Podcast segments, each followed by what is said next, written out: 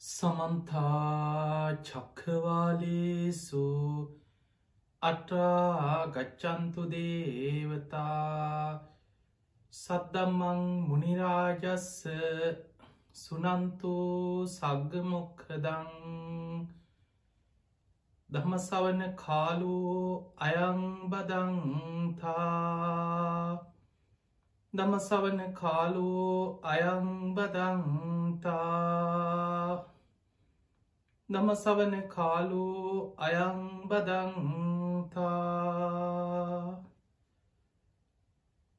නමුතස්ස භගවතු වරහතු සම්මා සම්බුද්ධස්ස නමුතස්ස භගවතු වරහතු සම්මා සම්බුද්ධස්ස නමුතස්ස භගවතු වරහතු සම්මා සම්බුද්ධස්ස හැම දෙනාටම තෙරුවන්සන්න ප්‍රාර්ථනා කරමින් අද ඔබ හැම දෙනෙක්ම ඔබේ ජීවිතයට ඉතාම වැදගත් ධර්ම කාරණා රැසක් ශ්‍රවණය කරන්නයි කළම්බු ටෙලිවිෂන් මෙ සදහම් විකාශය උතුම් දායකත්ත ධර්ම දේශනාව එක්ක එකතු වෙලා ඉන්නේ. පිංහතුනේ අද මේ ධර්මාණු ශාසනාවේ පිම්බර දායකත්වය ධරමින් කටයුතු කරන්නේ සොනාලි කොළොන්න මෙනවිය විසින්. එතුමේගේ අරමුණ තමයි සැප්තැම්බර් මස්ස විසි නමවෙනි දිනට එදී තිබූ තම විසි අට වන ජන්මදිනය වෙනුවෙන් තුනුරුවන්ගේ ආශිර්වාදය සියලු දෙවියන්ගේ පිහිට ආශිර්වාදය දීර්ගාවි සම්පත්ති උතුම් ධර්මාවබෝධය පිණිසම මේ ධර්මදානමය පින තමන්ට ආශිර්වාදයක් වේවා කෙනුතු ආශිර්වාද ප්‍රාර්ථනයක් තමන්ගේ ඥාතය හිතමිත්‍රාදී හැම දෙනාටම ආශිර්වාද ප්‍රාර්ථනා කිරීම අරමුණු කරගෙනයි අද මේ ධර්මදානමී පින්කම සිදු කරන්නටේ දෙ. තිගෙහෙමනං ඒ සොනාලි කොළොන්න මෙනවී ඇතුළු ඒ පවුලි සියලු දෙනාටමත් බණහනු බැහැම දෙනාමත් ධර්මශ්‍රවනය කරන ලක්වාසී ලොවාසී හැම දෙනාටමත් මේ උතුම් ධර්මශ්‍රවනය නිවන්දොරටුවක් බවට පත්වේවා කියලා මුලින්ම ආශිර්වාද ප්‍රාර්ථනා කරනවා.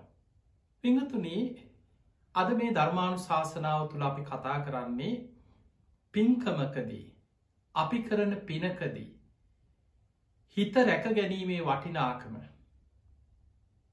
ඒ පින චේතනාව තුළ රැස්වෙන ආකාරයක් පුංචි පිනක් වේවා ඒක සිහි කරලා බලවත් කරලා. මහා ආනිසංසයක් ලබන්න පුළුවන් ආකාරය. ඒ වගේමයි මහ විශාල පින්කං කරලා හිත අපහදවාගෙන සමහර වෙලාවට අනවබෝධය නිසා ඒ පින්කමට ගරහල තමන්ට රැස් කරගන්න තිබ විශාල පින අහිමි කරගත්ත.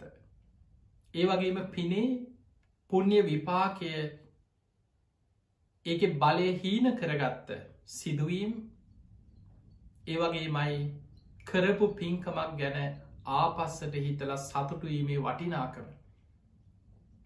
අපේ ජීවිතයට ඉතාම වැදගත්.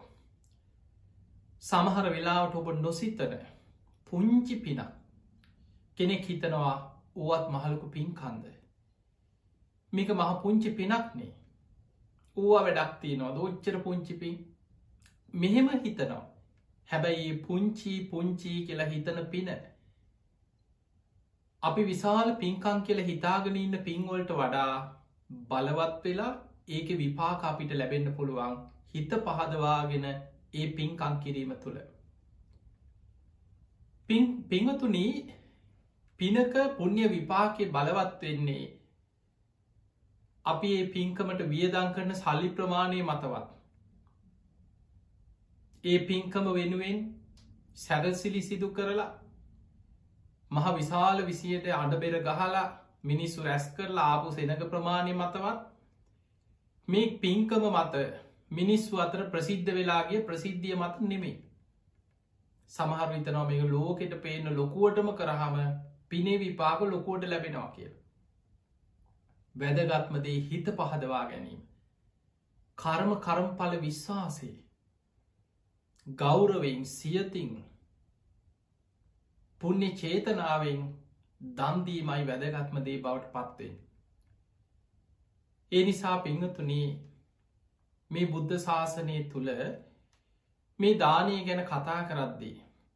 ඔබට මේ දේශනාව තුළ අපි දානය ගැන බොහෝ පරාසයන් ඔබට නිරවුල් කරගන්න ඕනේ පැති ගණනාවක් මේ දේශනාව තුළ අපි කතා කරන්න සූදානන් වෙනවා. අපි මුලින්ම බලමු මේ ජීවිතයේදිම දානයක් පූජා කරලා සුළු මොහොතක් ඇතුළත ඒක විපාකයේ දිට්ට දම්ම වේදනයේ වසයෙන් ලබන්න පුළුවන් පින්කම් මොනවද. එහෙම පින්කත් තියෙනවද. පිංහතුනී වැනි පින්කන් තියනෝ මේ බුද්ධ ශාසනය. නිරෝධ සමාපත්තියට සමවැදිච්ච මහරහතන් වහන්සේ නමකට සමත භාවනාවෙන් අශ්්‍ර සමාපති දක්වා දියුණු කරපු අනාගාමී උතුමන් වහන්සේලාටත් නිරෝධ සමාපත්තියට සමවදින්න පුළුවන් බව වේදල්ල සූට්‍ර සඳහන් වෙනවා. මේ නිරෝධ සමාපත්තිය කියලා කියන්නේ දින හතක් කිසිම ආහාරයක් නැතුව. නිවනේ හිත පිහිටවාගෙන සමාපත්ති සුවයෙන් දින හතම වැඩ ඉන්නවා ඉරියව්ව වෙනස් කළ නැකිටින්නෙත් නෑ ඇවිදින්නෙත් නෑ භාවනාවට වාඩි වෙච්ච ඉරියව්වෙන්ම දින හතක් කිසිම ආහාරයක් නැතුව සමාපත්තියක් තුළ වැඩඉන්නවා. මේ වේදල්ල සූට්‍ර මජ්‍යම නිකාය සඳහන් වෙනවා මිය පරලවගිය කෙනෙක්ගේ ශරීරයක ස්භාවයක් නිරෝධ සමාපත්තියට සමවැදිච්ච කෙනෙක්ගේ ශරීරය ස්භාවයක් අතර වෙනස්කා. ඒකට හේතුව දවස් හතක් කිසිම ආහාරයක් නැතුව. එකම ඉරියව්වෙන් නොසෙල්වී ඉන්නකොට කෙනෙක් හිතන්න පුළුවන් ඒ මියගිය කෙනෙක් කියලා. එහෙම හිතපු අවස්ථා පවා අතීත බුද්ධ ශාසනවල සිදුවීන් ධර්මය සඳහන් වෙලා තියෙනවා. මාර තජ්ජනය සූට්‍ර සඳහන් වෙනවා පෙර කකුසඳ බුදුහාදුරන්ගේ කාලේ ඒ අග්‍රශ්‍රාවකයන් වහන්සේ නමක් නිරෝධ සමාපත්තියෙන් වැඩ සිටිය කමතක් ළඟ උන්වහන්සේ ගහක් යට විවේකින් වැඩ හිටිය. උන්වහන්සේ සමාපත්තියට සමවැදිලා ඉන්නකොට ඒ අසලින්ගේ පිරිසක් දැක්කා. ඒ අයි ළඟට ඇවිල්ල බැලුව අනේ උන්වහන්සේක හුස්ම වැටෙන්න්නෙත් නෑ උන්හන්සේ අපවත් වෙලා වෙන්න ති මේ හාමුදුරු මේ භාවනා ඉදියවීම අපවත් වෙලානි කියලා අර පිදුරු ටික වටේට ගොඩ ගහල මේ අය ආදාහනය කරන්න ගිනි තියල ගිය. නමුත් නිරෝධ සමාපත්තිට සමවැදිච්ච කෙනෙකුට හරිම ආශ්චර්යමත් දෙයක් තමයි එක ධර්මතාවයක්. උන්වහන්සේගේ ශරීරයටවත් ඇඳගෙන ඉන්න සිවුරකටවත් ගින්නෙන් සුළගෙන් වෙන කිසිම දෙකින් වෙන මාරයටවත් හානියක් විපතක් කරන්න බෑ ඒ සමාපත්තිය වැඩඉන්න කාලය තුළ. දිනහත සමාපත්තියෙන් වැඩඉඳල මේ අග්‍රශ්‍රාවකයන් වහන්සේ අර සිවුරේ තැවරිලා තිබිච්චර අලු අර පිදුරුවල රොඩු කැබලි මේ ගිනිගත්ත මේ ඇතිවි චලු ගසාදාල උන්වහන්සේ අවදි වුණා සමාපත්තියෙන් නැකිටලා උන්වහන්සේ වැඩම කරා. උන්වහන්සගේ ශරීරයටවත් සිවුරටවත්තේ ගින්නෙන් හානියක් වෙලා තිබුන්නේ. එතකොට මේ විදිහට නිරෝධ සමාපත්තියෙන් දින හතක් සමාපත්ති සුවෙන් වැඩහිටිය. ඒ උතු මාරයන් වහන්සේ නමක් දින හතකට පසුව සමාපත්තියෙන් නැකිටල පින්ඩ පාති වඩිනවා. ඒ පින්ඩ පාති වඩිනකොට කවුරු හෝ කෙනෙක් තුන් සිත පහදවාගෙන කර්ම කරපල විශ්වාසයෙන් උන්වහන්සගේ පාතරයට දානි හැන්දක් වේවා පූජාකරොත් අන්න ඒක ආනිසංස එදා ඒ මොහොතේ එතනදිම පහළ වෙනවා. පිංහතුනි දානය කානිසංස ඒ දිනේම එදාම ඒ මොහොතෙම දිට්ට දම්භවේදනය වසයෙන්ම ලබන්න පුළුවන් ප්‍රබලම පුුණ්්‍ය පින් කරන ක්‍රමයක් තමයි ඒ ධර්මය බුදු හාදුර පෙන්නල දීලා තියෙන. එතකොට අපිට එවැනි සිදුවීම් ගොඩාක් ධර්මය සාරිපුත්ත මහරහතන් වහන්සේට දානි බෙදපු සිදුවීම්. ඒ දාන බෙදලා ටික වෙලාවකින් ඔහු නිදාග නිදල නැකිටල බලනකොට මේ කුමුරේ කුමුරු වැඩ කර කර හිටිය. තමන්ට ගෙනාපු ආහාරතික තමයි සාරිපුත්ත මහරහතන් වහන්සේ සමාපත්තිය නැකිටල පින්ඩ පාතිව වඩිනකොට දුවගෙන ගිහිල්ල සද්ධාවෙන් පූජ කරේ. ඒ වෙලාවෙ උන්වහන්සේට වන්දනා කරලා ඇවිල්ලා අර නියරෙම චුට්ටක් ගලකට හේතු වෙලා මහන්සේට නිදාගත්තා. ඇහැල්ල බලනකොට මුළු කුඹුරු යායම රත්තරම් පාට වෙලා. රන්වන් පාට වෙලා මහ විශාල රත්තරං යාය. එදකොට මේ වගේ පිනක ආනිසංස පිනක විපාක නොසිතන විදිහට ඒ මොහොතෙම ලැබෙන පිනක් තමයි නිරෝධ සමාපත්තියෙන් දින හතක් වැඩහිටිය ඒ යුතු මාරයන් වහන්සේ නමක් සමාපත්තියෙන් නැකිටල වැඩම කරද්දි. තුන් සිත පහදවාගෙන සද්ධාවෙන් දානි හැන්දක් හරි පූජා කරන්න පුළුවන්නම් අන්න ඒක ආනිසංසේ දාට ඒ මොහොතෙම ලැබෙනවා. ඊළඟට පිංහතුනිය ඔය දක්කිනාවී බංග කියන සූට දේශනාවේ බුදුරජාණන් වහන්සේ පෞද්ගලික දාන දාහතරක්ම විස්තර කරා. පෞද්ගලිකව තනි පුද්ගලයෙක් වෙනුවෙන් කෙනෙක් වෙනුවෙන් හිත පහදවාගෙන පූජා කරන දාන. ඒවේ ආනිසංස ලැබෙන්නේ පෞද්ගලික දානවලය ඒ ඒ පුද්ගලයාගේ ගුණධර්ම මත ඒක ආනිසංස ප්‍රබල වෙනවා. බුදුරජාණන් වහන්සේකින් එක පෙන්න්නනවා මහනෙන සතෙකුට එක සතෙකුට කුසගින්න ඉන්න සතෙකුට කුසගින්න නිවාගන්න ආහාර ටිකක් දුන්නොත්. ආත්ම සීයක් සසර ආයු වරණ සැප බල ප්‍රඥා ලැබෙන ආනිසංස ඒ දානිසා දානානිසංස හැටියට සසරි ලැබෙනවා. ඊළඟට මනුස්සෙක් ඉන්නවා දුස්සීලයි මිත්‍යා දෘෂ්ටිකයි. නමුත් අපි යාගේ සීලේ ගැනවත් ඒවනෙමේ මනුස්සකමෙන් හිතනවනේ පව්. අසරණක වෙලා ඉන්නේ. කවුරු හරි කන්න නැතුව ඉන්න මනුස්සේ දුකට පත්වෙච්ච කෙනෙ අපි මේ මනුස්සයට කෑමටිකක් දෙමු කියලා එක පුද්ගලයකුට ආහාර වේලක් දෙනවා. ඔහු දුස්සීල වනත් ඔහු මිත්‍යා දෘෂ්ටික වනත් ඔහුට කුසගන්න නිවාගන්න ආහාර ටිකක් දීමේ පින ආත්ම දාහක් සසරේ ආයු වරණ සැප බල ප්‍රඥාදිය සසරි ලැබෙමින් ඒක විපාක සසරි ලැබෙනවා. ඊළඟට බුදුරජාණන් වහන්සේ පෙන්වා කෙනෙක් ඉන්නවා. එයා මොන දෘෂ්ටි දරාගත්ත කෙනෙක් වුණා එයා සම්මාධිට්ටියල් ලබාගත්ත බුදු හාමුදුරු සරණගිය ශ්‍රාවකෙක් නොවෙන්ඩ පුළුවන්. හැබැයියා සීලවන්තයි. අපිට පේනවා ලෝකෙ බොහෝ ආගම්වල ගත්තා කාටවත් කරදරයක් නැතුව හොරකං කරන්නේ නෑ. ප්‍රාණගාතාදී අකුසල් කරන්නේ නෑ. ඒවට මිනිස්සු පොළොඹවන්නේ.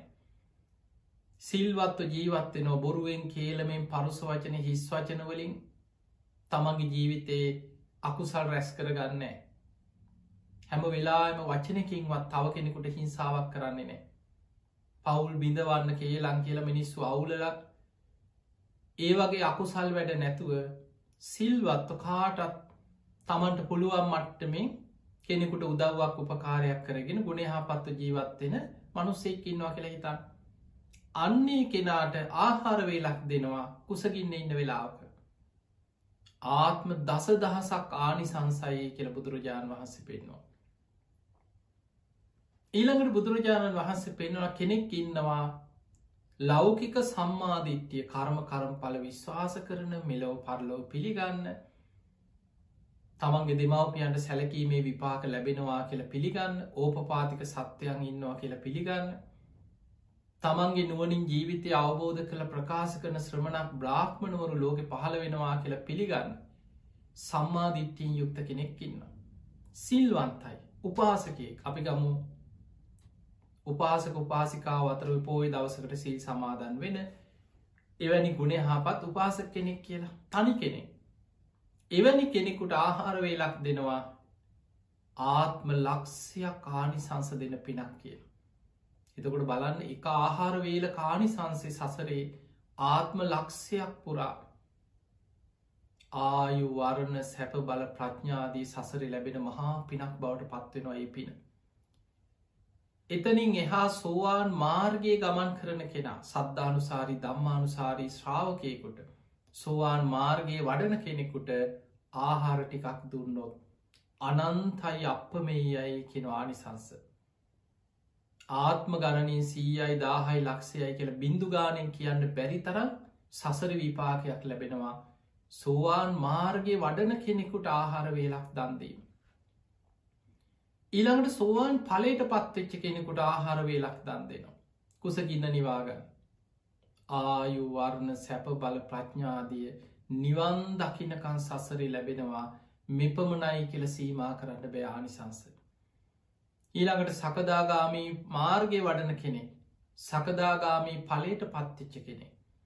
අනාගාමී මාර්ගය වඩන කෙනෙ අනාගාමී පලට පත්තිච්ච කෙනෙ.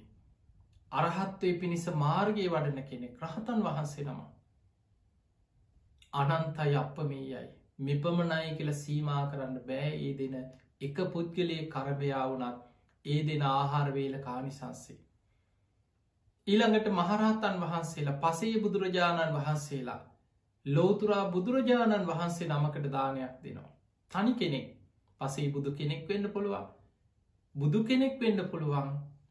දානය ආනිසංස අනන්තයි අපමය එනම් අපට පේනවා සෝවාන් මාර්ගයේ වඩන තැන ඉදම්ම බුදු කෙනෙක් දක්වාම ඒ උතු මාර්ය මාර්ගයේ ප්‍රතිඵලව ලබන මාර්ගය වඩන සියලු ශ්‍රාවකයන්ට හිත පහදවාගෙන ආහාරවේලක් දන් දුන්නොත් කර්ම කරම්ඵල විශ්වාසයෙන් ලැබෙන ආනිසංසානන්තයි අප මේ යයි කියලා දක්කිනාව බංග සූට්‍ර බුදුරජාණන් වහන්සේ වදාළ.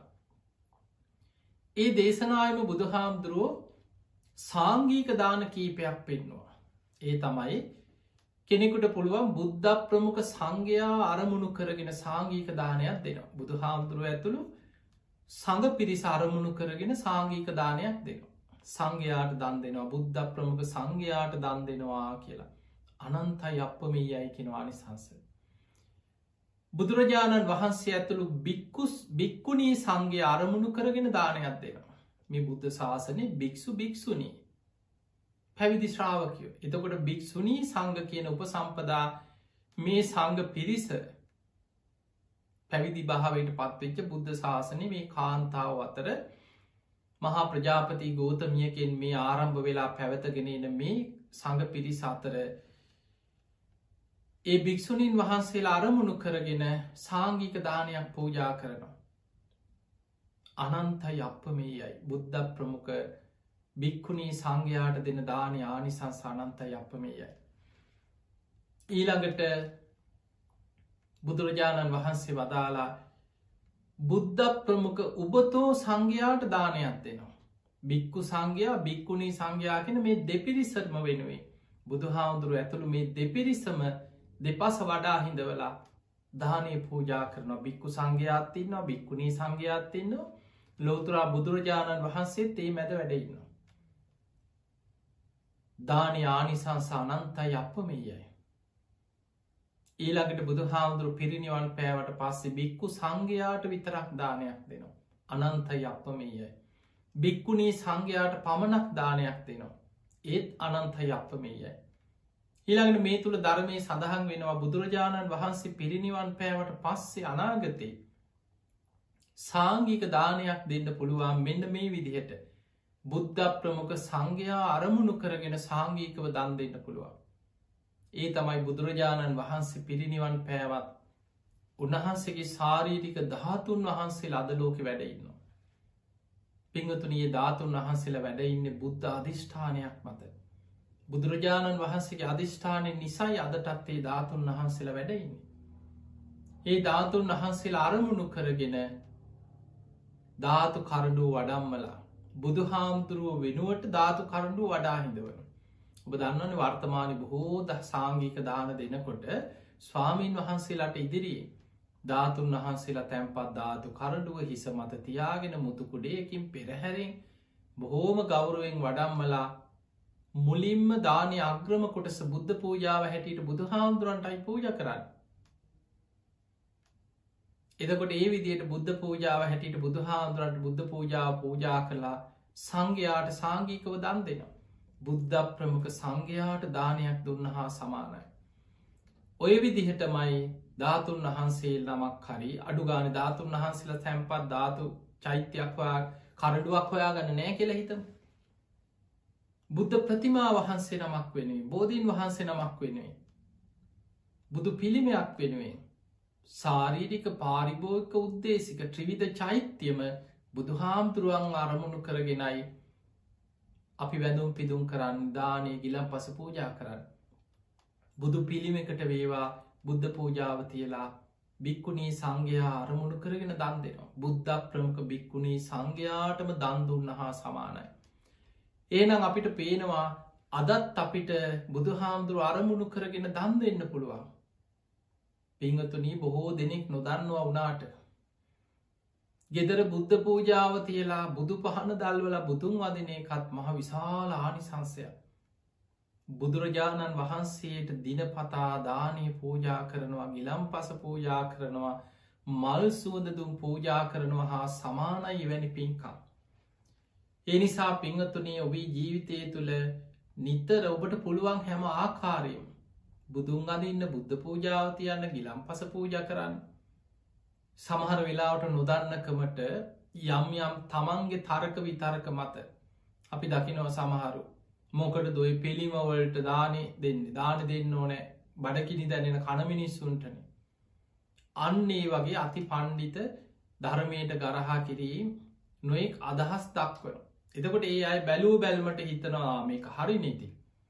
පිළිමවල කොහෙද මොන පිළිමේ අද කෑම කෑවේ අපරාධනමේ එදකොට මේ වගේ අදහස් ඔවුන් ධර්මය නොදන්නකම නිසයි ඔවුන්ට වැනි අදහසක්කෙන්.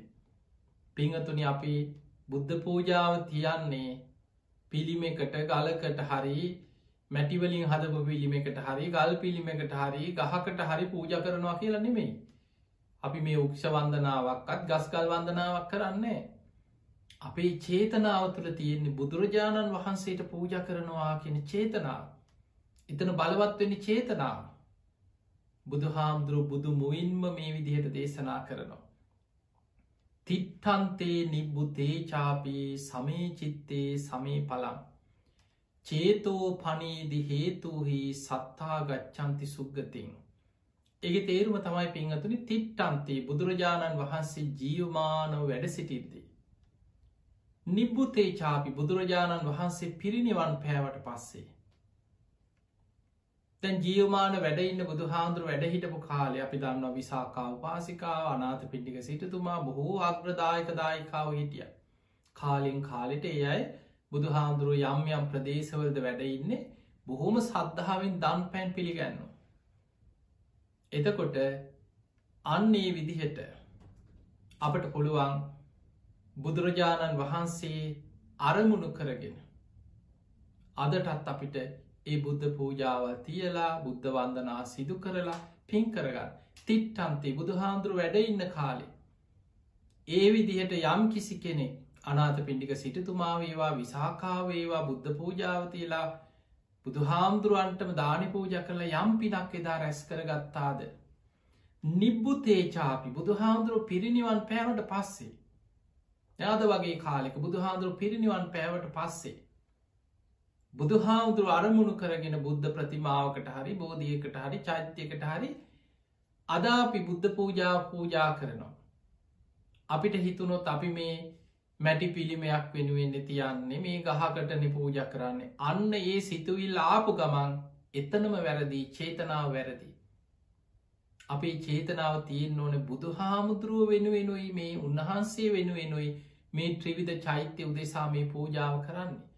ජියවමාන බුදුහාදුරන්ටයි මේ පූජා කරන්න කෙන චේතනාවයි වැදග.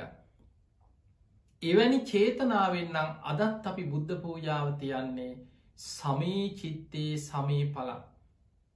හිත සමානනං ඒ හා සමාන විපාක අදත් ලබන්න පුළුවන් කියල බුදු හාදුරු පෙන්නවා. චේතෝ පනීදි හේතුහි සත්හා ගච්චන්ති සුග්ගති. මේ විදිහට හේතු සකස් වෙනකොට මේ විදියට සද්ධාවෙන් බුදුන්ට පූජා කරනවා කියන චේතනාවෙන් නම් බුද්ධ පූජාව තියන්නේ මල් ගිලා පස පූජ කරන්නේ මේ සත්වයා පින් රැස් කරගෙන ඒ හා සමාන විපාකානි සංස ලබාගෙන මරණින් මත්ති සුගතියනොන්. ඒමනං අදත් අපිට බුදුරජාණන් වහන්සේ අරමුණු කරගෙන උන්වහන්සේ පිරිනිවන් පාල වුණ සාරීරික දහතුන් වහන්සේලා තැන්පත් චෛත්‍යයකට හරි ධාතු කරඩුවකට හරි පාරිභෝගික බුදුහාන්දුරු පරිහරණය කරපු දේවල් අතර ජයශ්‍රී මහ බෝධීන් වහන්සේ අග්‍රයි බෝධීන් වහන්සේ නමකට හරි උද්දේසික කියන බුදුහාන්දුරු වෙනුවෙන් බුද්ධ ප්‍රතිමාවක් සිරිපා සටහන උන්වහන්සේ අරමුණු කරගෙන අපි බුද්ධ පූජාවතියනවා ගිලම් පස පූජා කරනවා බුදුන් අතිනවා බුදුගුණ කියනවා.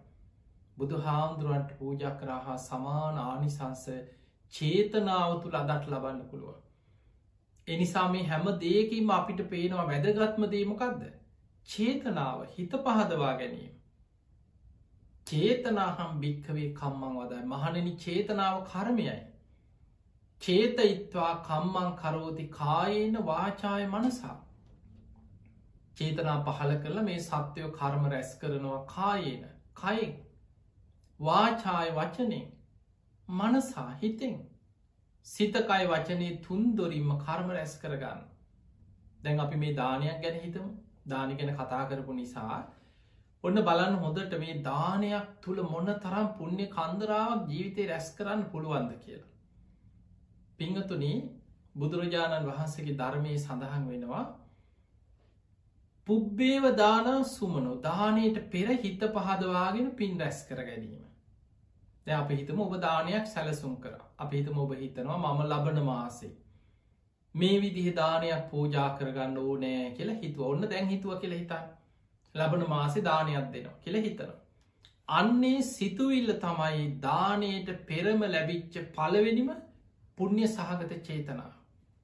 ලබන මාසි දානයක් පූජ කරගන්න තියෙනවා නං කියල හිතනවා. ඒ සිතුවිල්ල තමයි පලවෙනීම පුුණ්්‍ය චේතනාව. දැක සිතුවිල්ලක් හැටියට හිතෙන් හිතල නතර වෙන්න ඒක දැන් හිතෙන් සැලසුම් කරනවා. කොහොමද මේක කරගන්න මේක මට කරගන්න පුළුවන් වීද කොහොමහරි මං කරගන්නවා අමේ විදිහට කොරුත් හොඳයි කියල දැන් හිතෙන් සැලසුම් කරන. චේතනා පහල කර කරයි හිතන්න. වචනෙන් කතා කරනවා ගෙදර අයත් එක කතා කරනවා. අපි ගම ගෙදර ඉන්න කට්ටියට කියනවා ලබන මාසි දානයක් දෙන්න මං හිතුව. අපි කොහොමාරි මේ දානි කරමු මේ විදියට දානය සකස් කරමු. දැන් ගෙදර හිතුවට විතරම් මදිනේ. ඊට පස්සේ අපි ගම පන්සලට යනම ස්වාමීන් වහන්සේලට ආරාධනා. දැන් කය වෙහෙස නොවයි වෙනුවේ ගිහිල්ල මුණ ගැහෙනවා කතා කරනවා. අන්න වචන. ස්වාමීනී අපි දානයකට ආරාධනා කරන්න ආවි. ලබන මාසි දානි තියෙන්නේ. ඔබහන්සේ ලියාගන්න. ස්වාමීන් වහන්සේ අපි දහනමක් හරි පාලුස් නමක් හරි. අනි අපිට වඩම්මල දෙන්න. උබහන්සේලට පුළුවන්ද මේක? කොහොමද කෙරෙන් ඕන මොනවද අපෙන් කෙරෙන්න? දැන් බලන්න දැම්මේ තාම දානෙ නෙමෙයි. ඊට කලින් ඉඳං සිත කය වචනය තුන් දොරම ක්‍රියාත්මක වෙන්නේ දානයක් වෙනුවෙන්. අන්න ඒකට ධර්මය කියනවා පුබ්බේව දාන සුමනෝ කියලා. හිත පහදවාගෙන දානයට පෙර සිත කය වචනයෙන් රැස් කරගන්න මහා පුුණ්‍යස් කන්දේ විශාල පිනක් රැස්වෙනවා. ඊළඟට දැන් දානි දෙන වෙලාවාවක් කියලා හිතම ඔන්න දැන් නියමිත දවසාාව. දැන් වැදගත්මදී තමයි හිත පහදවා ගැනීම. දදන් චිත්තම් පසාදීති හිත පහදවාගෙන දම් පූජ කරනවා. සියතින් දන් දෙනවා. ගෞරවෙන් දන්දෙන් දැන් ඔය ඔක්කෝම බැඳෙන්ය හිත පැහැදීමත් එක්ක හිත පැහැදිල නැත්නම් ගෞරවෙන් දන් දෙන්න බෑන් සියතින් පූජ කරන්න හිතෙන්නේ. හිතේ පැහැදීම තියෙන කෙනා පිනේ වටිනාකම දන්න කෙනා හරි ආසයි පූජ කරන්න කොදෙන්න මං පූජ කරන්න අනේ මට දෙන්න. අඩුගානි තව කෙනෙක් පූජ කරනවන අතගහල හරි සාදු කියල අනේ සාදු කිරමාත් අනුමෝදං වෙනවා කියලා අන්න අනුමෝදං වෙනවා. ඒ නිසා කර්ම කරම් පල විශ්වාසෙන් පින් පව් ගැන විශ්වාසයෙන් සියතින් ගෞරවෙන් සක්කච්චන්දානන්දේති කියෙන සකස් කරලා පිළිවෙලට ලස්සනට දන් දෙනවා. අන්න දානයේ දෙන වෙලාවෙ විශාල් පිනක් බලවත්වෙනවා. දැන් අප හිතම ස්වාමීන් වහන්සේ අපි සාංගික දානයක් කියල හිතම ගෙදට වඩම්මල. දැන් ස්වාමීන් වහන්සේලා දානය වැළඳවා. අවසන් වනා පිගංකෝප හේතුවා. උන්වහන්සේලා දානෙත් දැන් අවසං පින් අනුමෝදන් කරලා උන්වහන්සේලා ආපහු වැඩි දැන් ඔය කටයුතු ඔක්කොම ඉවරයි කෙළ හිත හදාගම්. දැන් ගෙදරයිකිනවා මේ ඇතියන්තා යුද්ධයක් ඉවර වුණාවක් මොකද ඉති ඔලුවේ දානයක් දෙන්නකොට කොච්චර වැඩ ගොඩක්ද? සමන්ට නින්දයන්න දවසනකා කොහොමද කෙරෙන්නේ? කොහොමද කෙරෙන්නේ? මොකක් හරි අඩුවක් වෙයිද? කොච්චර හිතනවත් දාන ඉවර වෙනකොට ලොකූ සතුටක් අනේ ලොකූ පිහිකමක් කරගත්ත. ඇතියාන්තා දැන්නන් නිදහසේ හොඳට නිදාගන්න පුළුවන්. හරි සතුටුයි කියල. දැන් අප හිතමු දානදීලා ඉවර වුණා. පින ඉවර වෙන්න එහෙම පින කියන්නේ හිතන්න හිතන්න බලවත්වෙනවා දැන් ඔබ හිතනවා පහුදා හිතනවා ඒ දවස මේ වෙලාව අපි මෙහෙම දානයක් පූජ කරගත්ත කොච්චර ලාභයක්ද සතියකට පස්සේ හිතනවා ගිය සති අපි මෙහෙම දානයක් පූජ කරා. මාසයකට පස්සේ හිතනවා ගිය මාසේ මේ විදි අපි දානයක් දුන්න කොච්චර ලාභයක්ද. අවුරුද්ධකට පස්සේ හිතනවා ගිය අවුරුද්ධ මේ වගේ දවසකන අපි දානි පූජ කරේ. කොච්චර ලාභයක්ද. හිතන්න හිතන්න චේතනා පහළ වෙනවා පින බලවත්වෙන. ඒ දානි ගැන කතා කරනවා. ගෙදර කට්ටිය එකතු නහම නෑදෑයෝ ආවහම කතා වෙනවා. මතක ද අපි කරපු දාන පින්කම? අනි හරි හොඳයි හරි ලස්සනට කෙරුණා. උන්වහන්සේලාට අපි හරියට සද්ධාවෙන් දන් දුන්න. කොච්චර දෙයක්ද? කොච්චර ලාභයක්ද? දැන් කතා වෙනවා ගෙදර. දැන් වචන පහළ වෙන්නේ දානයක් වෙනුවෙන් කරපු දානමේ පින්කමක් සිහිකර කර සතුටු වෙන්නයි මේ වචන කතා කරන්න. එතකොට සිත කය වචනයෙන් ඒ දානය වෙනුවෙන් කියන කරන හිතන හැම සිතුවිල්ලක් පාසාම කර්ම රැස්වෙන පුුණ්‍ය කර්ම දත්වා අත්ත මනෝහෝති දන්දීලා ඒ ගැන හිත හිතා සතුටු වෙනවා. පිංහතුනි ඒ පින අමතක වෙන්න නොදී මරණ මංචකයේ දක්වාම බලවත් කරන්න තමයි ඉස්සර මිනිස්සු පින් පොත්තියාගත්තේ. කරපු පින්කම් පොතක ලියලා සිහිකර කර අමතක වෙන්න ඉට නොදී ඒව බලවත් කරගත්තා. මං මේ වගේ පිනක් කරා. මගේ ජීවිතේ මං මේ විදිිය පින් කරලා තිය. සමහලාට ලොකූ පින්කන්න වෙන්න පුළුව. පොතක ලියනවා දැ ඔබ හිතන්නේ මේවා ලොකු නෑ කියලා අද මන් සතෙකුට කෑම ටිකක් දුන්න. බොහෝ දෙනෙක් කොවලියන්න ඒ වූවා මොනවද? වුවත් පින්කන්ද කියලන හිතන් හැබැයි ආනිසංස ආත්ම සීයක් සසර ආනිසංස ලැබෙන ප්‍රබල පිනා ලියල තියෙනවා. අද මං අසරන මනුස්සේ කම්බුණා බෙහෙත් ගන්න. අනේ මං බේට්ටි කරන් දුන්න. කොච්චර ලාභයක්ද? මොනතරම් පිනක්ද? අන්න ලියල තියාගන්න. ඊළඟට අදමම් පින්ඩ පාති වැඩි ස්වාමීන් වහන්සේ නමකට දානි හැන්දක් පූජ කරගත් කලාතුරකින් ලැබෙන අවස්ථාව මේ යුගේන. ඒක සිහිකර කර සතුටු වෙනවා. එක්ක වන්දනාව යනෝ අදමන් රුවන් වැලි මහා සෑ වන්දනා කර. ධර්මීන් කරුණු දන්නවනං ඒ ධාතුන් වහන්සේල ගැන චෛත්‍ය ගැන තව මතක මතක් වෙන්න සිහිවෙන්න හිතේ සතුට බලවත් වෙන්න ලියල තියාගන්න. අදමන් ජයිස්ත්‍රී මහ බෝධී වන්දනා කරා අට පිරිකරක් පූජ කරා පුළුවන් විදිහට ගිලම් පස ටිකක් පූජ කරගත්තා. එතකොට මේ විදියට තමන් කරපු පින්කල් ලියලා තියෙනවා. සතෙකුට කෑම ටිකක් දුන්නත්. නැති බැරි කෙනෙකුට උදව් කරා බෙහෙත් තරන් දුන්න ම මෙහෙම අඩුගාන භාවනාව කියන් පිනාතර අග්‍රම පින මෛත්‍රී භාවනාව. ලියල තියෙන අදම විනාඩි පහලවක් මෛත්‍රී භාවනාව වැඩුව. අදමම් පැය භාගයක් මෛත්‍රියම දිසා වසයෙන් ලෝකේටම මෛත්‍රී පැතිරෙව්වා. කොච්චර පිනක්ද? පිංගතුනි අවුරුද්දත් දෙකක් තුනක් හතරක් යනකොට අර පොත පින්වලින් පිරිලා යනවා. පිටු පිරිලා පින්වලින් පිරිච්ච පුතක් දැ දැන් ඔය පොතම මුල ඉඳං අගට කියවේ නැතත් ඔය පොත දකිනකොට සිහි වෙනකොට මේසේ උඩ හරි තිබිලා හදිසිය කල්මාරයක් අස්සේ හරි තිබිලා අතට එනවා. හනීමේ මගේ පින් පොත මේ පොත අතට ගත්ත ගමම්ම යන්තන් උඩින් පල්ලෙන් පිටුව දෙක පෙරලනකොට මතක් කෙනවා චිත්ත පටි පේනවගේ පරණ කරපු පින්කම් මතක් කෙනවනේ අපි දාන පින්කමක් කර ආසවල් දවසේ. අනේ අපි මේ විදියට ගිහිල්ල වන්දනා කරා. අනේ අපි මේ වගේ පින්කං කරා. මං මේ විදිිය පින්කං කරා මේ විදිිය පින්කං කරා. හිතන්න හිතන්න පින බලවත්වෙනවා බුදුරජාණන් වහන්සේ අන්නේ නිසයි ඒ කාලේ පිනක් සිහිකිරීමේ වැදගත්කම ධර්මය පෙන්ලතින් දැන් බලන්න සමහර පුංචි පින්කං කලා දිවිය ලෝක ඉපදිච්ච දෙවිවරු ගැන විමාන වත්තුවේ තියෙන දේශනාව කියවල තියෙනවන්න මුගලම් මහරහතන් වහන්සේ ගොඩක් දේශනාවට මුල්ලෙලා තියෙනවා. උන්වහන්සේ ඉරදිවන්තයන්ගේ අග්‍රයි. නිතර දෙව්ලොව බඹලෝ වැඩම කරලා දෙවියන්ගෙන් බ්‍රහ්මයන්ගේ විස්තර හොයාගන්නවා. පින්වත් දෙවිය පින්වත් දෙව්දුව. ඔබ මොන වගේ පින්කාං කරලද මේ තරන් දිවිය සැප සම්පත් ලැබුවේ කියලා හනවා එතකොට ඒ අය කියන ස්වාමිනී පෙරමම් මනුස්සලෝක හිටිය මං අසවල් ගමේ හිටිය. මං මෙහෙම දුප්පත් කෙනෙක්.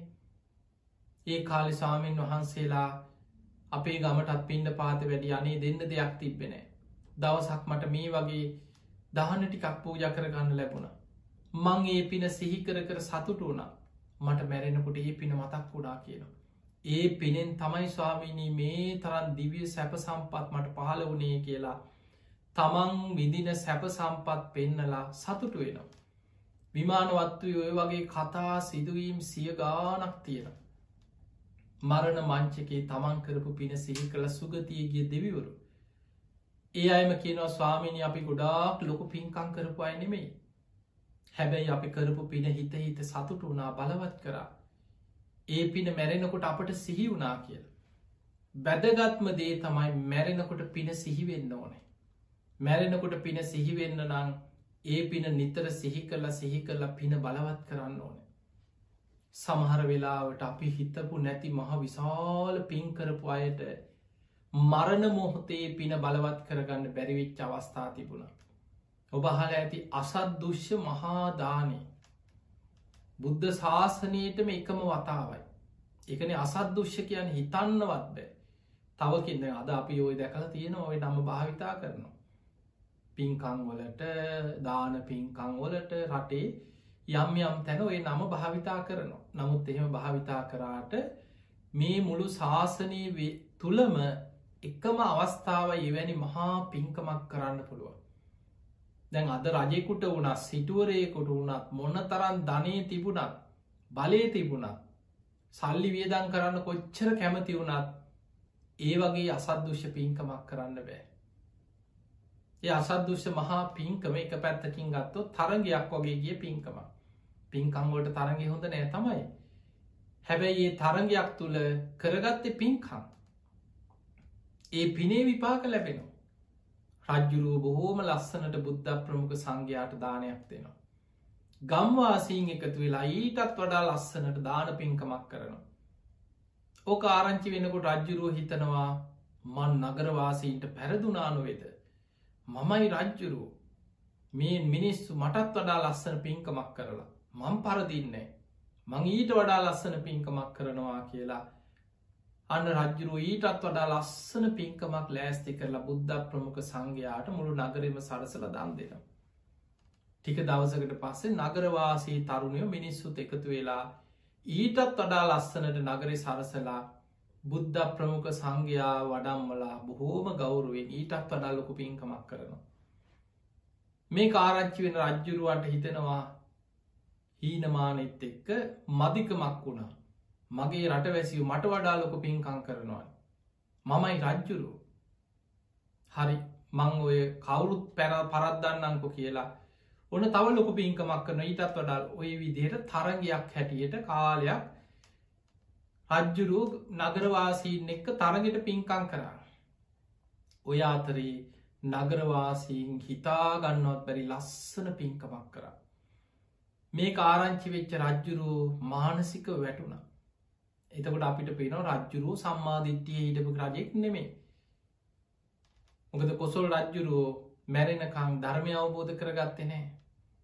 බුදුරජාණන් වහන්සේ මුණ ගැවුණ ඇසුරු කරා බණෑහුවා නමුත් ඒ ජීවිතයේ ධර්මාවබෝධයට පින තිබුන්නේ. නොයෙක් වැරදි දෘෂ්ටි මතවාද පවා ඔළුවේ දරාගෙන හිටිය බුදු හාමුදුරන්ටත් ගෞරුවෙන් සැලකුව. මේ රජ්ජුරුව තමයි මේ මහා දානමේ පින්කම කරේ. තැන් ඔය අවස්ථාවේ රජ්ජුරුවෝ නගරවාසී ලස්සනට දානයක් දුන්නාව සතුටු වෙන්න එපෑ. රජ්ජුරු මානසික වැටුණ.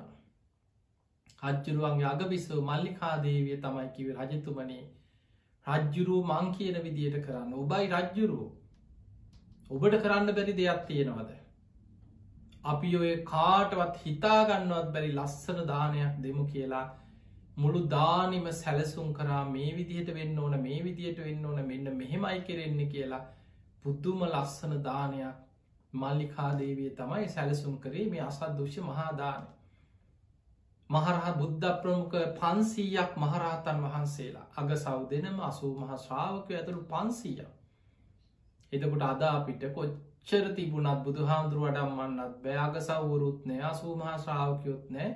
රහතන් වහන්සේලා පන්සීයක් වඩම්මන්න අද පුළුවන්කමක් නෑ.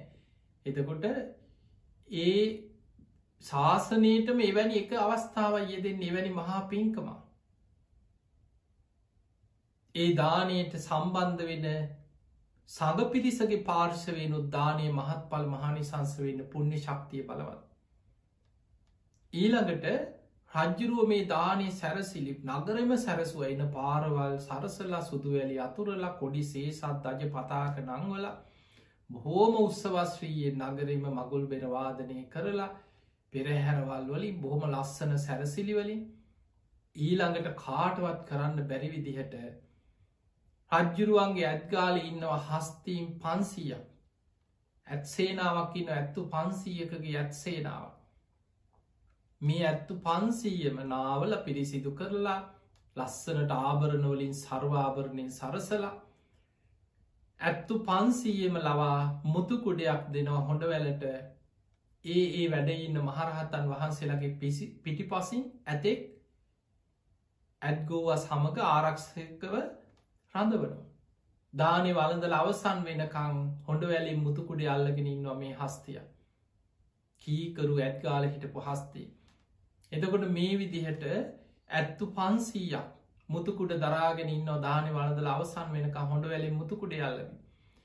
ඊළඟට රජ්ජරුවන්ගේ අන්තපුරේ හිටිය කෙන ලස්සන කාන්තාව ඒ කාලෙ රජවරුන්ට අන්තපුර හිටිය ඒ අයගෙන් ඒ සුරූපී කාන්තාව පන්සීයක තරම් පිරිසා තව මාලිගාව හිටපු සේවිකාව වැඩකාරු ඒයාගේ යාලුව හිතවත්තු සම්බන්ධ කරගන්න ඇති ලස්සනට සරසලා සුවඳ වරණවත් සුවඳ ගල්වලා ඒ අය ඒ ඒ රහතන් වහන්සේලා අසලින් ඉදිරියෙන් බොහොම ගෞරවාන්විතව පසකින් දානෙ වලදල අවසන් වෙනකම් වැඳගෙන ඉන්නවා. ඒ භූමිය සුවඳවත්තේ ඒ අයි සුවඳ ගල්වගෙන ඉන්නේ. ඒ විදියට පන්සීයක් දෙනා ඒ ඒ රහතන් වහන්සේලා ඉදිරියෙන් ගෞරුවෙන් වැදගෙන හිටිය දානේ වලදල අවසන් වෙනක. ඔය වගේ බොහෝම පුදුමාකාර නිර්මාණ මහ පුදුම පින්කමක්. එතකොට සාමාන්‍ය වර්තමානයේ කෙනෙක් හිතන්න පුළුවන් අපිට පේනව සමාජි සමන්ලෝ ලස්සන පින්කමක් කරද්දි. බොහොම ලස්සන්ට මල්වලින් සරසලා බොහෝම ලස්සනට වියදං කරලා කෙනෙක් පින්කමක් කරන. සමහර අයගේ අකුසල් කියන්න පින්වතුනේ තමම් පින් කරන්නෙත් නෑ කෙනෙක් කරන පින්කමත් දැකලා හිත පහදවන්න පිනකුත් නෑ එය පෙර කරුම අකුසල විපාක නිසාම පේන්නේ? එක වැරත් දක්මයි සමහර වෙලාවට පින්කන් දැකළ ගරහන අපරාධ බොරුවට මේ මල්වලින් මෙච්චර සරසල කීයක් වියදං වෙන්න ඇත්ද බොරු වියදම්. කන්න නැති මිනිියකුට කෑම ටිකක් දුන්නනම් හරිනේ. එදකට මේ වගේ නොයෙක් අදහස් කොහොම මේ සාධහාරණ විදිහට තරක විතර්ක ගැලපි ගැලපියනවා එක තම යර අකුසල හිතේ සභාව හිත පහදවන්න පිනනෑ. එකඒ අදහස් යෝජනා කර කර ගැලපෙන දැම් බලන්න බුදු හාමුදුරුව වැඩයින්න ඇති. මේ අසද්දුෂ්‍ය මහා පින්කමට බුදු හාමුදුරුවමයි පන්සීයක් සංඝයා සමඟ වැඩි. බුදුරජාණන් වහන්සේට තිබුණනි කියන්න රජ්ජුරුවට කොසොල් රජ්ජුරුවන් රජතුමනි මේ මොනවද මේ කරන මේ වැඩ අපරාධන මෙච්චර වියදං කර මේ නගරී අහිංසක මිනිස්සුන්ට මේ ටික දෙන්නකෝ ඒ මිනිස්සුන්ට කන්න බොන්න ටිකක් දෙන්නකො මේ සල්ලි වලින්. බුදු හාන්දුරහිමකි වෙන හිත පහදවාගෙන බුද්ධ මේ ලෝකයේ තුන් ලෝකේම පිදිය යුත්තන් අතර අග්‍රම කෙනා ලෝතුරා බුදුරජාණන් වහන්සේ මොන විදිහටවත් සල කලා සිව්පසෙන් ඇප උපස්ථාන කරලා මල්වලින් පූජා කරලා අවසන් කරන්න පුළුවන්කමක් නෑ. බුදුගුණ අචින්තියයි. ඒ අචින්තිය බුදුරජාණන් වහන්සේ වෙනුවෙන් කරන ගෞරුව පූජාවක් සැරසිල්ලක් හැටියටයි ඒ සියලු දේවල්. දැන් හිතන්න පින්ගතුන මිනිස්සු ඒවට සම්බන්ධ වෙනකොට ඒ අය හිතනවා සූදානං වෙනවා මල් සරසනවා. ඒ හැම වෙලාවකම ඒ මිනිස්සුන්ගේ සිතකයි වචනය මහ විශාල පිනක් රැස්වෙනවා. අපිට පේනා බුද්ධ ශාසනයේ මහ විශාල ආරාම පූජා පින්කංවල ජේතවනය ගැන හිතන් දහාට කෝටියක් කහවනු අතුරලා ඉඩම මිලදී ගත් අනාත පින්ඩික සිටුතුමා. තවත් දහාට කෝටියක් වියදං කරා කුටි සෙනසුම් ගොඩ නැගිලි අංග සම්පූර්ණ ආරාමයක් හිති කරන්න.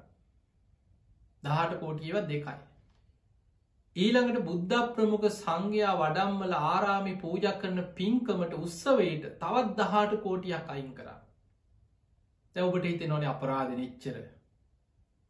මුළු නගරම සැරසුව කොඩි සේසත් දජ පතාක නැංගවා. නගරවාසීන්ට දන්සැල් දදා මිනිස්සුන්ට ඇති තරම් කණ්ඩ බොන්න දුන්න. බොහෝම උත්සවස්ශ්‍රීයෙන් බුද්ධ ප්‍රමුඛ සංඝයා පෙරහැරින් වඩම්මගේ නැවිල්ලා රන් කෙන්ඩියකින් ශ්‍රී හස්තයට පැන්වක් කරලා ජේත වන පුුණ්‍ය භූමිය පූජ කරේ. ඒ දර්ශනය ඒ පැහැදීම ඒ සියල්ල දකින මිනිස්සු කොච්චර පින් රැස් කරනවා බුදු හාමුදුරුවෝ වැලැක් වෙන ඊළඟට විසාකාව පූර්වාරාමි පූජ කරද්දී පූර්වාරාම ඉඩම මිලදී ගත් නව කෝටියකට කහවට ඊළඟට ගොඩනැගිලි ඉදි කරන්න තවත් කහවරු නව කෝටියකින් දෙමහල් ප්‍රාසාදයක් හැදව පූර්වාරාම. ආරාමි පූජ කරන පින්කමට සැරසිලි වෙනුවෙන් පින්කම වෙනුවෙන් තවත් නවකෝටියක් කහවනු අයින් කර. එතකොට අපිට පේනවා අද මේ කරන පින්කංවලට වඩා මහා විශාල පින්කං රජවරු සිටුවරු එදා සිදු කරලා තියෙනවා. විශාල සැරසිලි එක්ක බුද්ධ ප්‍රමුඛ සංඝ්‍යාවනේ බුද්ධ ශාසන වෙනුවෙන් මහා පින්කං කර. හැබැයි ඒ පින්කමේ විශාලත්තේ මතම පින් රැස් වෙනව නොවේ. ඒකයි අපි මේ දේශනාවතු ලොබට පෙන්නල දුන්න. එච්චර මහ විශාල අසද්දුෂ්‍ය මහා පින්කමක් කරලා හිත පහද වැදගත්ම දේ තමයි චේතනාව හිත පහදවාගෙන විශාල පිනක් රැස් වුනා ඒ පින සිහි කරලා බලවත් කරගන්නවා කියන එක තමන්ගේ දක්ෂතාවය. හැබැයි මල්ලිකාදේවිය මරණාසන්න වෙලාවේ එච්චර විශාල පිනක් කරපු මල්ලිකාදේවියට. මං මේ තරම් පිනක් කරගත්තා සාදු සාදූ කියල හිත පහදවාගන්න බැරිවුණ. තමන් ලෙඩ වෙලා ගිලං වෙලා මරණාසන්න වෙනකොට හිත පිහිටිය තමන්ගෙන් වෙච්ච අකුසලේක. ජීවිතේ කෙලෙස් සහිතව පෘතජ්ජන ජීවිතේ වැරදි අඩුපාඩු අකුසල් වෙන්න පුළුවන්. හැබැයි ධර්මය වඩන කෙනා ආයිතින් සංවරයේ පිහිටලා එක හිතෙන් අතහැරලා සිල්වත්වෙනවා. දුරුවල හිතක් ඇති කෙනා ඒ අකුසලේම හිත හිත අයෝ මගේ මේ වගේ වැරැද්දක් වුණා මේ වගේ පවකමක් වුණා ඕකම හිතල හිතල හිතල පුංචි අකුසලේ පවා හිතල බලවත් කරගන්න. අන්නේ දුරුවලතාවි තිබුණ මල්ලිකාදේ වියලඟ. තමන්ගෙන් වෙච්ච වැරැද්දක් අකුසලයක් සිහි කරලා මරණ මංචක ඒක බලවත් කරගෙන පණගිය. දින කීපයක් හරි දුගතියක වැටුන කියල ධර්මය සඳහන් වෙන. නමුත් අශද්දුෂ්‍ය මහා පින්කං කරා විශාල පින්කරගත්තා ඒ පින් බලෙන් දවස් කීපයකින් අපායින් චුත වෙලා දෙව්ලවා ඉපදුන. නමුත් මරණ මංචකේ ආසන්න අකුසලයක් හැටියට අර අකුසල් සිහිකර කර පසු තැවීම බලවත් වුණ. නමුත් අපිට පේනවා මේ බුද්ධ ශාසනයේ සමහර එක බත් හැන්දක් පූජ කරපු අය. උද්දන්ඩක් මිරි කළ පූජ කරපු අය. සමහරලාට විසි කරන්න යන පිට්ටු කෑල්ලක් පිළිුණු ඒගෙන යන දෙයක් පූජ කරන්න. ලොකූ පින්කං හැටියට අපිට පේන දේවල් නෙමෙයි. හැබැයි ඒ කරපු පින පුංචි වුණත් ඒක සිහි කරලා හිතාදාගෙන අනේ සාදු කියලා මැරෙනකොටත් ඒ පිනම සිහිකරගෙන දිවියලෝක ඉපදිච්ච මහේශාක්‍ය දෙවියවරු බොහෝම බල සම්පන්න දෙවි දේවතාවරු ගැන බුද්ධ දේශනාවල සඳහන් වෙන. මුගලම් මහරහතන් වහන්සේ දිවිය ලෝකට වැඩම කළ විස්තරහනව පින්වත් දෙවිය පින්වත් දෙව්දුව මේ තරන් සැප සම්පත් ලැබුණ මොනවගේ පින්කං කරලද. අන්න එතකොට ඒ අයි කියනවා ස්වාමීනි අපි පෙර මනුස්ස ලෝක හිටියේ. අපි ගොඩාක් පින්කරපු අය නෙමේ අපි ලොකු පින්කං කරපු අය නෙමේ බොහොම දුප්පත්තයි. මං මේ විදියට බත් හැන්දක් පූජ කරේ. පිපාසෙන් කලන්ත ඇතිලා හිටපු කෙනෙකුට ම වතුර ටිකක් දන් දුන්න. සමහරු කියනවා මං පිට්ටු කෑල්ලක් විසි කරන්න අද්දී. ස්වාමීන් වහන්සේ නමක් එතනින් වැඩියා නැගනිඔය විසි කරන දේ මගේ පාත්තරයට බෙදන්න. ඒ වෙලේ මං ගිහිල්ල උන්වහන්සේට පෙන්වා ස්වාමීනී විසි කරන්න යන්න පිල්ුණුවේගෙන යන දෙයක්. කමක් නෑ නැගනී හිත පහදවාගෙන ඕක පූජ කරලා හිත පහදවන්න. ඒ අවසරේ ලැබුණට පස්සේ අර පිට්ටු කෑල්ල පූජ කරලා මං හිත හදාගෙන සද්ධාවෙන් උන්වහන්සේට වන්දනා කර මට ඒ පින සිහි වුණා මන් නිතර නිතර පින සිහි කර මට මැරෙනකොටත් ඒ පිනම බලවත් වුණා මං මරණින් මත්ත මේ දිවිය සැප සම්පත් ලැබුවේ ස්වාමීනී ඔන්න ඔය පින නිසා කියලා දෙවියවරු කියනවා. ඒ වගේ සිදුවීම් විමානවත්වය අපිට බුද්ධ දේශනාවල බොහෝ මුණ ගැහෙනවා. එහෙමනම් අපිට පේනවා පිනකදි වැදගත්වෙන්නේ පූජ කරන වස්තුයේ වටිනාකමුවත් සැරසිලිවත් පෙරහැරවත් බොහෝම ලොකුවට රටට පේෙන් අඩබෙර ගහල කරන ලොකු පින්කන් නෙමේ ඒ වැනුත් පින් රැස්වේ නො තමයි. හැබැයි වැදගත් දේ වෙන්නේ හිත පහදවා ගැන විශාල පින්කං කරත් හිත පහදවා ගන්න පුළුවන්කමක් නැත්නම් තමම්ම තමන්ගේ පින හිත අපහදවා ගැනීම තුළ ඒ පිනේ බලවත්කම නැති කරගන්න. ඒ නිසා පුංචි පිනක් වුණත් හිත පහදවා ගන්න කෙනා. කර්ම කරම්පල විශ්වාසයෙන් දන් දෙන කෙනා. සියතින් ගෞරවෙන් දන් දෙන කෙනා. තුන් සිත පහදවා පින් කරන කෙනා විශාල් පිනක් බලවත් කරගන්නවා මරණින් මත් ඒ පිනේ විපාකෙන්ම සුගතිය උපදින. පිංගතුනි කරන හැම පිනකම ආනිසංස නිවන පැත්තටම යොමු කරගන්න ඔබ දක්ෂ වෙන්න ඕන. නිස්සරණ අභ්‍යාසින් පින් කරන්න. පිනේ විපාක තමයි සසරයේ සැප සම්පත් ලැබෙනවා. ඔබ කැමති වුණත් අකමැති වුණත් බලාපොරොත්තු වනත් නැතත් පුඤ්ඥානිනාම සුකස්සේ තං අධි වචනා. පින කියලා කියන්නේ සසරයේ සැප ලැබෙන දේවල්. හැබැයි නිවන අරමුණු කරන්න. කරන හැම පිනකම යම් ප්‍රාර්ථනාවක් කරනවනං මේ රැස් කරගන්න පින්වලින් මට නිවන් අවබෝධීම ලැබේවා. සසරි ධර්මාවබෝධීම ලැබේවා නිවන පිණිසම මට මේ පින උපකාරවේවා. අන්න එතකොට ඒ පින කුසලයක් හැටියට පාරමිතාවක් හැටියට ධර්මාවබෝධය පිණිසම පාරමිතාවක් දාන පාරමිතාවක් බවට බලවත්වෙන.